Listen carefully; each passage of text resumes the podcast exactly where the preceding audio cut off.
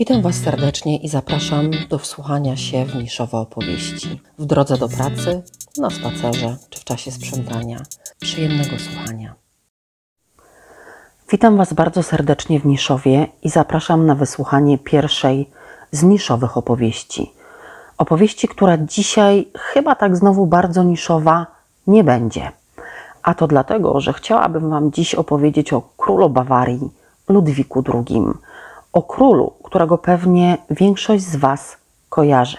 Być może kojarzycie go z bajkowym zamkiem Neuschwanstein, być może słyszeliście o jego tajemniczej śmierci w wodach jeziora Steinberg, a może kojarzycie go z muzyką Wagnera, którego przez wiele lat wspierał i promował. I pewnie wszystkie te elementy w mojej opowieści się pojawią. Ale zacznijmy dość stereotypowo, czyli od początku. Od tego, kiedy, gdzie i w jakiej rodzinie Ludwik przyszedł na świat. A urodził się on prawie dokładnie w połowie XIX wieku, w 1845 roku, jako pierwszy syn króla Bawarii Maksymiliana II i jego małżonki, pruskiej księżniczki Marii. I na chwilę chciałabym się przy tym mirażu zatrzymać. Król Bawarii i pruska księżniczka. On przedstawiciel jednej z najstarszych europejskich dynastii, dynastii Wittelsbachów. Ona Hohenzollernówna, księżniczka z dynastii, która w porównaniu do Wittelsbachów sroce spod ogona wypadła jakieś 200 lat wcześniej. Bawaria i Prusy. Chyba trudno jest wyobrazić sobie na politycznej mapie XIX-wiecznych Niemiec dwa bardziej różne światy, dwie bardziej różne bajki. Z jednej strony piękna, romantyczna Bawaria, która zawsze bardziej ciążyła ku południu, ku południowemu stylowi życia.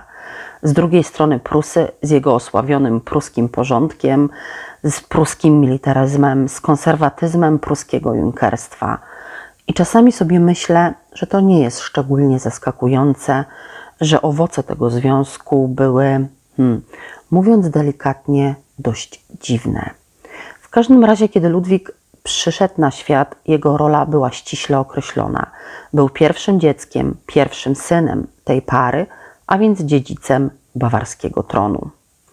Dlatego też może wydawać się trochę zaskakujące, że nie przygotowano go starannie do pełnienia tej funkcji. Ludwik nie otrzymał systematycznego wykształcenia, uczono go tego i owego, podobno świetnie radził sobie z francuskim, a o dziwo nie, nie najlepiej z lekcjami muzyki. Ale nikt, ani ojciec, ani żaden z wychowawców nie wytłumaczył mu, co to znaczy być królem w XIX-wiecznej Europie. Ludwik zaczytywał się w romantycznych lekturach, w średniowiecznych sagach i legendach, słuchał muzyki i wyobrażał sobie, że będzie takim królem, jakim był Ludwik XIV. Może wydawało się, że jeszcze jest czas. Jego ojciec całkiem nieźle radził sobie ze sprawowaniem władzy. Był to taki trochę typ króla urzędnika, który sumiennie wypełniał swoje obowiązki. Niestety tata Ludwika, król Maksymilian II, umarł niespodziewanie w wieku niespełna 50 lat i w 1864 roku Ludwik chciał czy nie chciał, został królem Bawarii. W momencie objęcia władzy był przystojnym osiemnastolatkiem, który świetnie prezentował się w monarszych szatach.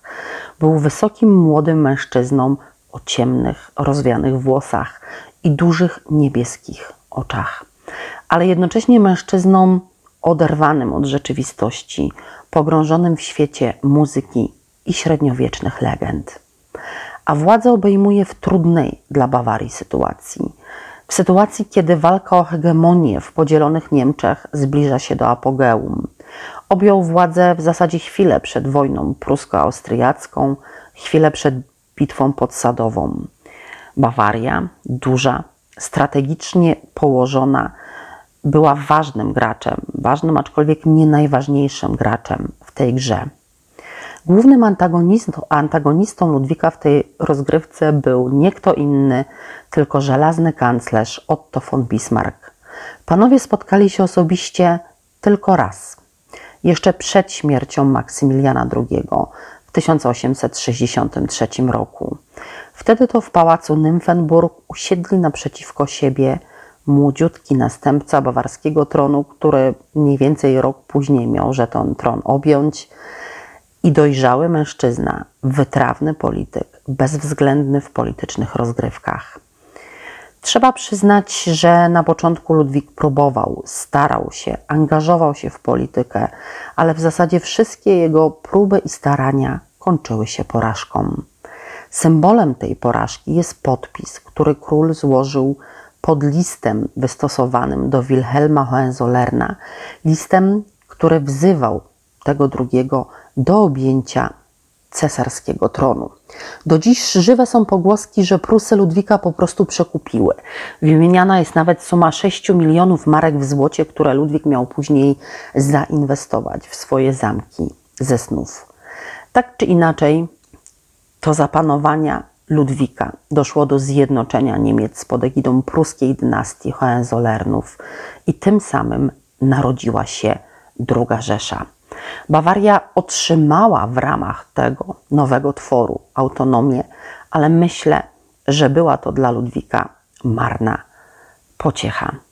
Niepowodzenia na arenie politycznej sprawiały, że Ludwik z roku na rok, a w zasadzie z miesiąca na miesiąc, coraz bardziej wycofywał się z życia politycznego i coraz bardziej angażował się w swoje projekty architektoniczne i muzyczne. Zatrzymajmy się na chwilę przy tych drugich. Jednym z pierwszych posunięć Ludwika po objęciu władzy było zaproszenie na bawarski dwór Ryszarda Wagnera. Wagner, który Bawarczykiem nie był, co w konserwatywnej katolickiej Bawarii nie było bez znaczenia. Tak, e, konserwatyzm i katolicyzm to druga twarz tej romantycznej, rozmiłowanej w sztuce Bawarii.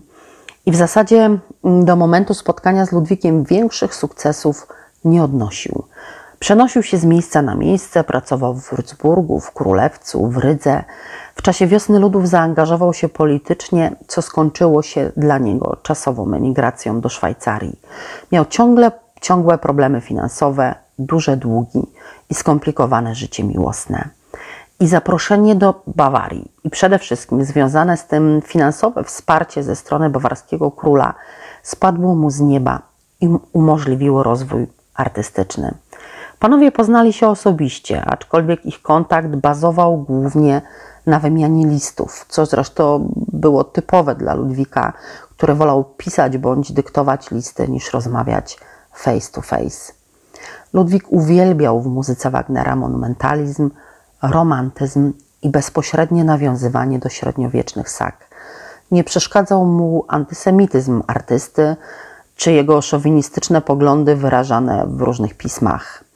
Nie przeszkadzało mu również to, że Wagner żył w trójkącie, a w zasadzie czworokącie miłosnym ze swoją żoną i kochanką Cosimą von Bülow, zresztą córką Franciszka Liszta, a żoną znanego dyrygenta.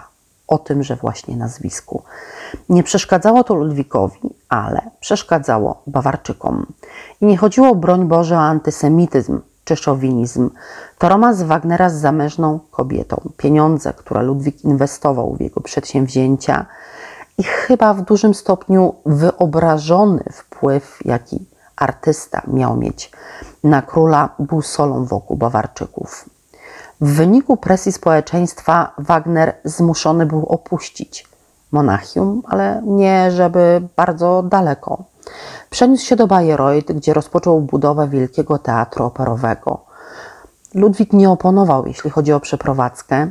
Być może obawiał się powtórzenia losu swojego dziadka, króla Ludwika I, który został zmuszony do abdykacji, między innymi w efekcie romansu z piękną Lolą Montes. Ile nie, I nie tyle przeszkadzał monachijczykom sam romans króla, nie pierwszy zresztą, ale fakt, ale sumy, które wydawał na swoją kochankę i fakt, że ta zaczęła się angażować w politykę. Tak czy inaczej jest bardzo prawdopodobne, że bez wsparcia finansowego Ludwika nie powstałyby najważniejsze dzieła Wagnera, takie jak Pierścień Nibelunga, Złoto Renu czy Śpiewacy norymberscy. Jak już jesteśmy przy kobietach, jednym z pierwszych i najważniejszych obowiązków króla było oczywiście poślubienie jakiejś bardzo szlachetnie urodzonej damy i spłodzenie potomka, następcy tronu. Tylko, że Ludwik jakoś się do tego nie palił. Nic nie wiadomo o jego romansach czy flirtach z kobietami. Aczkolwiek monachijskie aktorki próbowały zdobyć jego uwagę i powiedzmy uczucia, stosując bez powodzenia różne, znane pewnie od wieków, sztuczki typu wpadanie do fontanny w towarzystwie króla. Jednakże w 67 roku Ludwik oficjalnie się zaręczył, co po niektórzy odetchnęli pewnie z ulgą. Jak się później okazało, przedwcześnie. Ludwik zaręczył się z Zofią Charlottą Wittelsbach, swoją kuzynką i siostrą cesarzowej Elżbiety. Młodzi spotkali się parę razy, ogłoszono nawet datę ślubu, którą później dwukrotnie przesuwano. Następnie Ludwik listownie zerwał zaręczyny i nigdy więcej nie związał się z żadną kobietą. Na szczęście Zofia Charlotta nie rozpaczała długo po nieudanym związku, jeżeli w ogóle możemy nazwać taką relację, aczkolwiek jej losy były bardzo tragiczne. Była nieszczęśliwa w małżeństwie z Ferdynandem Orleańskim, a w wieku 50 lat zginęła w pożarze bazaru Charité w Paryżu. I tak jak nie było w życiu Ludwika miejsca na romantyczne relacje z kobietami, tak było miejsce na przyjaźń z kobietą, a mianowicie ze wspomnianą już Elżbietą Wittelsbach, czyli z cesarzową Sisi. Można mieć zresztą wrażenie, że łączy ich pewne pokrewieństwo i podobieństwo dusz i losów. Ten sam brak osadzenia w rzeczywistości, podobna tendencja do uciekania od niej, narcystyczne skupienie na sobie i tragiczny koniec życia obojga. Jak już uporałam się z tematem kobiet w życiu Ludwika, co nie było zbyt trudne, to nie jest bardzo bogaty temat, pora powiedzieć parę zdań na temat zdecydowanie trudniejszy, a mianowicie mężczyźni w życiu króla Ludwika. Bardzo wcześnie na monachijskim dworze pojawiły się plotki o słabości króla do młodych, przystojnych chłopców, stajennych, koniuszych, adiutantów czy aktorów. Nie mam zwyczaju zaglądać ludziom do łóżka, ale myślę, że homoseksualizm Ludwika, nieważne spełniony czy nie, mógł mieć wpływ na jego głębokie osamotnienie i ucieczkę w świat legend i muzyki. Nie będę więc jakoś szczególnie tego tematu rozwijała. Chciałabym się jednak na chwilę zatrzymać przy historii pewnego zdjęcia z 1981 roku. Zdjęcie to przedstawia Ludwika w towarzystwie młodego aktora, żeby nie powiedzieć aktorzyny, o nazwisku Józef Kainz.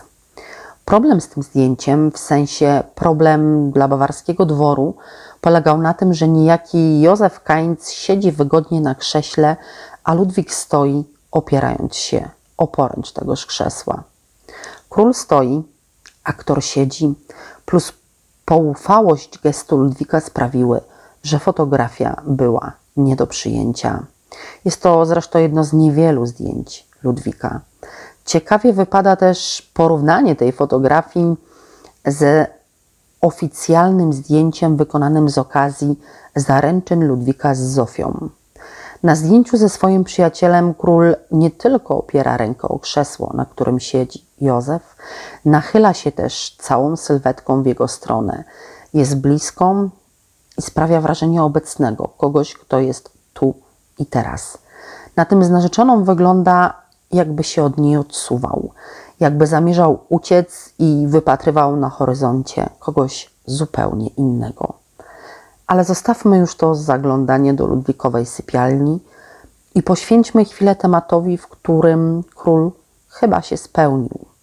Wiemy już, że nie była to ani polityka, ani bliskie relacje z ludźmi, niezależnie od płci.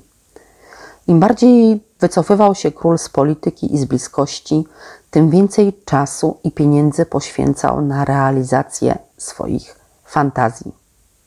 Najpełniej wyraża się to oczywiście w jego budowlanych projektach. Większość z Was kojarzy zapewne uwieczniony przez Disneya w czołówce jego bajek zamek Neuschwanstein. To rzeczywiście obok pałacu Herrenchiemsee i pałacyku Linderhof najważniejszy jego projekt. I tak jak te dwa ostatnie były wyrazem fascynacji Ludwika czasem absolutyzmu oświeconego, tak Neuschwanstein – to hołd oddany średniowieczu, średniowiecznej architekturze, sagom i legendom. Każdy z tych obiektów może nam sporo powiedzieć o samym Ludwiku, tym bardziej, że król uczestniczył w zasadzie w każdym etapie prac. Zwiedzając Neuschwanstein, jego mroczne, ciemne komnaty, nie mogłam pozbyć się myśli o skłonnościach depresyjnych króla, o tym, że Neuschwanstein to smutek i samotność zaklęte w kamień. Ale może było tak, że półmrok i ciemne, głębokie kolory Ludwika koiły, wycieszały. Neuschwanstein to chyba jego ukochane dziecko. Pomimo, że zamek w chwili jego śmierci nie był ukończony, to właśnie tam Ludwik spędzał swoje ostatnie dni, to tam został aresztowany i później przewieziony do Monachium.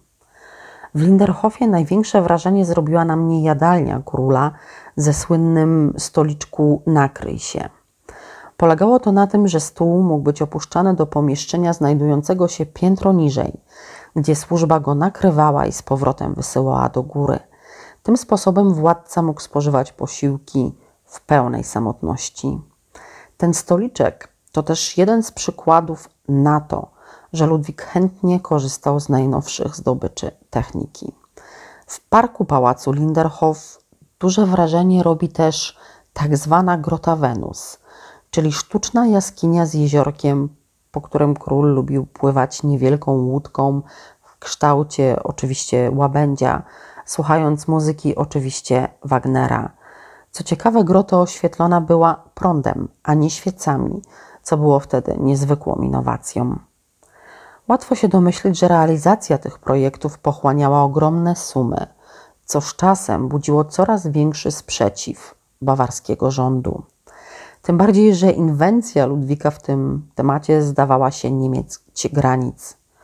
W połowie lat 80. na ten przykład wpadł na pomysł wybudowania bawarskiego Taj Mahalu. Kiedy władze Bawarii odmówiły dalszego finansowania jego fantazji, Ludwik zaczął zwracać się z prośbami o pożyczkę a to do perskiego szacha, a to do Rothschildów, a to do Francji. Jego poczynania coraz bardziej niepokoiły władze, a zwłaszcza jego stryja, księcia Luitpolda, który de facto od jakiegoś czasu kierował Bawarią. Ludwik coraz bardziej się izolował, a kiedy potrzebny był jego podpis pod jakimś państwowym dokumentem, króla albo nie można było znaleźć, albo jak już go znaleziono, doprosić się podpisu. Sytuacja stawała się bardzo problematyczna. I dlatego też 8 czerwca 1986 roku komisja składająca się z kilku psychiatrów, z których żaden chorego na oczy nie widział, wydała orzeczenie lekarskie uznające Ludwika za chorego psychicznie i niezdolnego do sprawowania władzy. Na czele owej komisji stał dr Bernard von Guden. Co ciekawe, von Guden był renomowanym psychiatrą, który uchodził wówczas za bardzo postępowego. Ironią losu był fakt, że to Ludwik sprowadził von Gudena do Bawarii, żeby zdiagnozował i leczył jego jedynego brata Ottona, który był opóźniony w rozwoju. Nadał mu nawet szlachectwo, znaczy von Gudenowi. 12 czerwca Ludwik został aresztowany i przewieziony do położonego na południowych krańcach Monachium pałacyku Berg. I tutaj zaczyna się ta największa z tajemnic. Dzień później, 13 czerwca, koło godziny 18.30, Ludwik w towarzystwie von Gudena wybrał się na spacer nad śliczne alpejskie jezioro Starnberg. Panowie wrócić mieli koło 20. Kiedy nie pojawili się o oznaczonym czasie, rozpoczęto poszukiwania. Znaleziono ich dopiero około 23, martwych, w wodach jeziora, jakieś 20 parę kroków od brzegu. Kieszonkowy zegarek króla zatrzymał się na godzinie 18.54. Co ciekawe, zegarek lekarza stanął o 20.10. Na ciele von Gudena znaleziono obrażenia, które mogły sugerować szarpaninę bądź walkę. Według oficjalnej wersji wydarzeń król próbował popełnić samobójstwo, a von Guden starał się mu w tym przeszkodzić. W efekcie czego obaj utopili się w wodzie sięgającej dorosłemu mężczyźnie mniej więcej do piersi. Szybko pojawiły się pogłoski, że to nieprawda, że to nie tak było, że król próbował uciec, w konsekwencji czego został zastrzelony przez żandarmów patrolujących park, albo że był to mord polityczny, za którym stał jego stryj Luitpold, być może nawet pruski kanclerz. Von Gudena miano zlikwidować jako niepotrzebnego świadka. Nie dowiemy się, co się naprawdę stało, dopóki oficjalne dokumenty bądź powtórna autopsja nie potwierdzą lub zaprzeczą, zaprzeczą hipotezie o ranie postrzałowej, która, którą miano odkryć na ciele Ludwika. A że w interesie władz Bawarii nie leży rozwiewanie wątpliwości, jest zrozumiałe. Tajemnice dobrze się sprzedają. 19 czerwca pochowano króla w monachijskim kościele świętego Michała. W momencie śmierci Ludwik miał zaledwie 41 lat. W niczym nie przypominał już tego przystojnego osiemnastolatka, który obejmował tron. Był otyły, miał popsute zęby, jego oczy i włosy straciły blask. Ale to w tym momencie narodziła się legenda. Tak naprawdę ja nie darzę Ludwika jakąś wielką sympatią. Był dla mnie za bardzo oderwany od rzeczywistości ale zawsze miałam słabość do tajemnic. I dziękując Wam za wysłuchanie tej opowieści, z tą tajemnicą Was zostawiam.